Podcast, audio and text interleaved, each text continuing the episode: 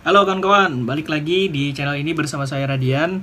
Dan kali ini masih tentang dropship karena kita berada di seri video dropship series. Saya akan membahas uh, beberapa video tentang dropship gitu ya.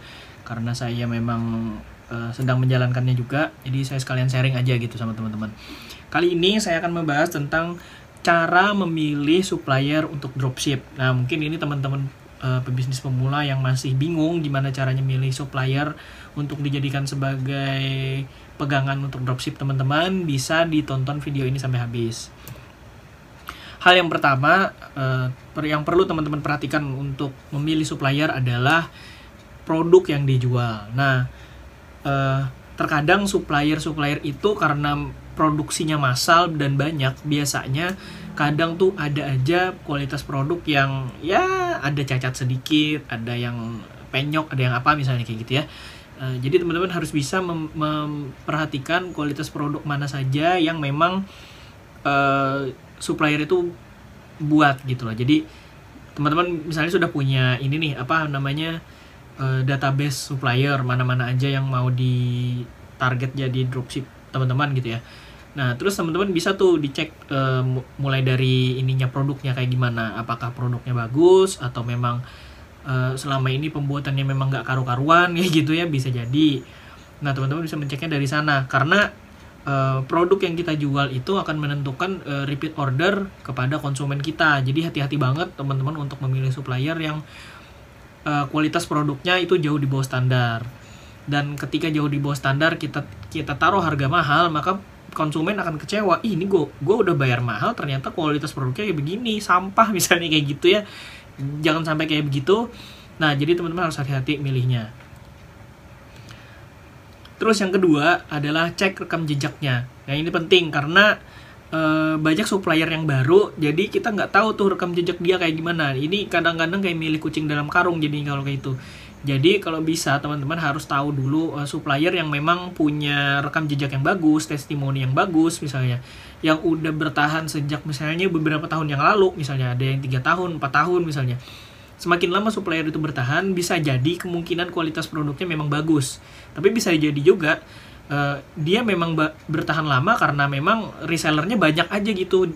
Resellernya disuruh jual murah lah misalnya, atau memang resellernya disuruh nyampah lah di mana misalnya kayak gitu ya. Bisa jadi bisa jadi. Uh, uh, ini tergantung ini ya tergantung kualitas pelayanannya masing-masing lah kayak gitu. Jadi teman-teman harus bisa benar-benar memilih uh, melihat dan memeriksa meriset gitu ya uh, rekam jejak penjualan uh, si supplier ini kayak gimana. Ba apa baguskah atau memang uh, suppliernya amanah kah misalnya kayak gitu.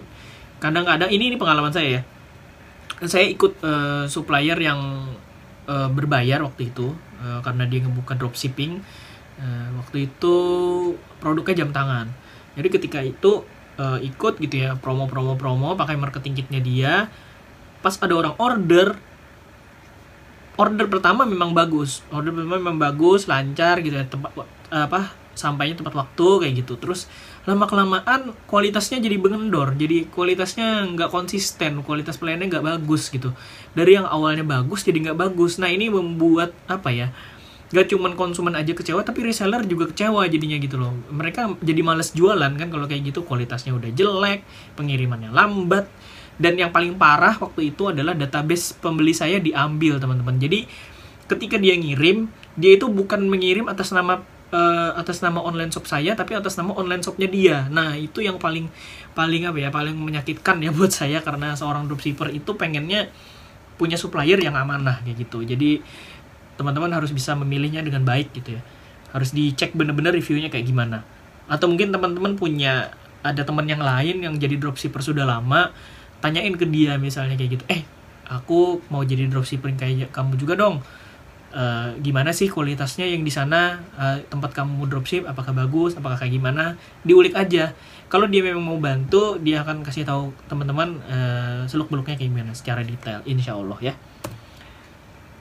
Lanjut yang ketiga adalah perhatikan konsistensi si supplier menjaga kualitasnya. Entah itu kualitas produk atau kualitas pelayanan. Ini yang seperti saya bilang sebelumnya bahwa uh, ada ada oknum-oknum supplier yang nggak amanah gitu ini sayang banget ya ini mencederai uh, kepercayaan uh, reseller-reseller yang sudah membantu si supplier ini untuk jualan kayak gitu. Jadi kalau bisa ini untuk supplier juga ya. Uh, ini koreksi juga buat supplier supaya uh, memberikan kualitas yang bagus, kok memberikan pelayanan yang bagus, packaging yang konsisten misalnya atau pelayanan yang konsisten.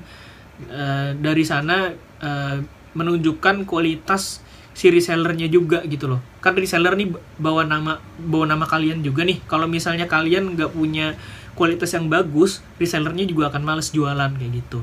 Jadi saling bersinergi aja lah. Reseller kan bantu kalian jualan dan kalian juga kasih pelayanan yang bagus ke reseller gitu loh. Jangan sampai uh, jangan sampai nggak ada timbal balik kayak gitu. Kasihan resellernya dan kasihan kalian juga nanti uh, jadi punya stok mati kan. Kasihan gitu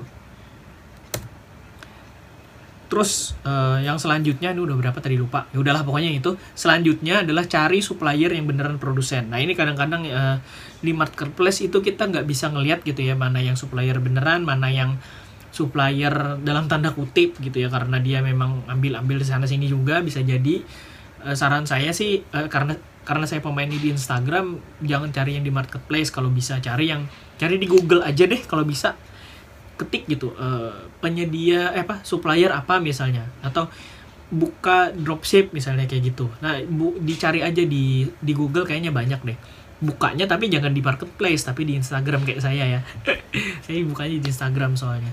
Ya teman-teman harus hati-hati kalau misalnya di marketplace pilih-pilih betul-betul yang memang terpercaya reviewnya bagus kualitas produknya juga mantap gitu ya. Jangan sampai ada inilah ada kekecewaan gitu. Jadi sekali lagi saya wanti-wanti hati-hati dalam memilih supplier karena nanti menentukan uh, jalan online shop kita ke depannya kayak gimana kayak gitu. Yang selanjutnya adalah teman-teman harus punya sampel produk. Nah, ini penting banget. Uh, ketika teman-teman udah ketemu supplier mana yang mau ditarget untuk dijadiin dropshipping, teman-teman tuh harus punya ininya apa namanya produk sampelnya paling nggak satu lah minimal kalau teman-teman mau jual barangnya gitu ya misalnya variannya banyak gitu ya teman-teman mau fokus satu aja misalnya fokusnya ke barang A teman-teman harus punya dulu barang A. Nggak bisa sekedar mengetahui barang A itu dari produk knowledge yang udah disiapkan sama si supplier. Nggak nggak apa ya nggak nggak kurang lah kurang. Kalau menurut saya kurang banget uh, produk knowledge-nya gitu. Jadi kalau misalnya teman-teman mau lebih ini lagi lebih ngulik lagi lebih dalam beli satu produknya jadi produk sampel teman-teman pegang itu barangnya gitu ya pak. Pegang rasakan kualitas bahannya kayak gimana? Lembutkah kasar? Ringan? Licin? Apa misalnya lagi? Wangi mungkin ada ada desain yang timbul apalah segala macam mungkin ada yang lecet-lecet. Nah itu perlu dilihat semuanya teman-teman. Jadi dari sana teman-teman tuh bisa tahu kualitas produknya kayak gimana. Dan itu teman-teman punya gambaran oh nanti uh, packaging yang akan dikirim ke konsumenku kayak gini nih. Sama kayak gitu jadi teman-teman harus bisa inilah apa harus punya produk knowledge yang menyeluruh nggak cuma sekadar uh, melihat dari patokan yang ada disediain di supplier aja gitu. Terus yang selanjutnya adalah pahami garan sistem garansi dan retur yang ada di supplier teman-teman. Nah ini untuk supplier yang memang profesional biasanya ada garansi mereka mereka memberikan garansi. Misalnya garansinya uh, ganti baru misalnya kayak gitu atau di retur barang yang rusak dikirim balik nanti Uh, diganti sama yang baru gratis misalnya kayak gitu. Nah teman-teman harus tahu dulu cara klaim garansi dan returnya ini kayak gimana gitu loh. Karena biasanya ada ketentuan-ketentuan yang memang agak rada ribet sebenarnya karena supplier juga nggak mau rugi kan. Nah, mereka harus retur, mereka harus ganti baru secara gratis gitu ya.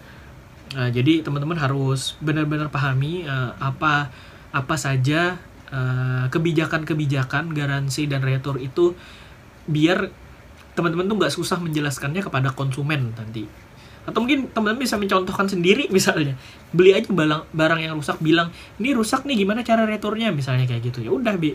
Nanti kan bisa kasih tahu oh minta ini minta ini minta ini misalnya kayak gitu. Udah disediain kalau misalnya returnya disetujui ya udah tunggu aja barangnya datang misalnya kayak gitu ya bisa jadi ini kebijakan retur uh, di masing-masing supplier beda-beda sih cuman gambarannya kayak gitu gambarannya kayak gitu. Nah itu tadi udah beberapa uh, tips dan cara untuk memilih supplier yang bisa teman-teman praktikan ketika teman-teman mau memulai bisnis dropshipnya gitu ya. Atau mungkin teman-teman sudah memulai bisnis dropship tapi ternyata banyak cost, banyak supplier yang nggak amanah ketemu ketemu supplier yang nggak amanah. Saya harap dengan menonton video ini bisa ketemu supplier yang amanah ya. Insya Allah amin saya doain. Nah jadi buat teman-teman yang mau meningkatkan profitnya untuk uh, bisnis on bisnis dropshipnya Uh, saya sarankan uh, untuk mencari mentor. Karena kenapa? Karena kalau mencari mentor itu kita nggak sekadar uh, bim, dibimbing tapi juga kita beli pengalaman dan waktu dia teman-teman. Jadi uh, kita bisa akselerasinya lebih cepat dan bisa maksimalin profitnya lebih cepat ya kan. Jadi berkembang bisnis kita berkembang lebih cepat juga. Ya saya sarankan uh, teman-teman untuk join ke kelas online tambang emas dropship karena di sana teman-teman nggak uh, sekadar diajarkan sama mentor berpengalaman tapi juga dikasih akses untuk jualan produk dropship. Jadi teman-teman uh, bisa punya produk yang lebih banyak lagi lebih luas gitu loh. Jadi bisa menjangkau pasar pasar-pasar yang sebelumnya nggak pernah kita jangkau misalnya gitu. Dan juga uh, teman-teman bisa menghemat waktu untuk meriset supplier-supplier yang saya bilang tadi. Jadi teman-teman udah nggak perlu lagi tuh namanya riset buang-buang waktu uang bahkan mungkin untuk meriset produk untuk meriset supplier misalnya untuk meriset apalagi packagingnya mungkin bisa jadi teman-teman bisa melihatnya dari situ. Nah bisa tuh. Kalau di kalau teman-teman ikut tambang uh, kelas online tambang emas dropship teman-teman udah nggak perlu lagi tuh mikirin yang kayak gitu-gitu. Udah disiapin semuanya udah dicariin supplier yang terpercaya kayak gimana. Jadi teman-teman tinggal jualan aja gitu ya. Uh, linknya akan saya taruh di deskripsi dan di pinned comment ya teman-teman. Kalau misalnya teman-teman mau join silahkan join. Karena ada promo uh, diskon kalau nggak salah 60 atau 50 persen gitu. Pokoknya antara segitulah. Ada 50 atau 60 persen silahkan nanti dicek aja langsung di linknya ya teman-teman. Kalau misalnya mau ikutan langsung aja diklik linknya di bawah di pinned comment atau di deskripsi. Oke terima kasih banyak buat teman-teman yang sudah menyimak video ini. Sampai ketemu di video-video berikutnya. Oh kalau misalnya teman-teman punya saran kritik atau mungkin uh, topik apa lagi yang mesti saya bahas tentang dropship? Misalnya taruh, taruh aja di kolom komentar nanti kita akan coba diskusikan bareng-bareng uh, seperti apa materi yang akan kita buat ya. Terima kasih sudah nonton. Dah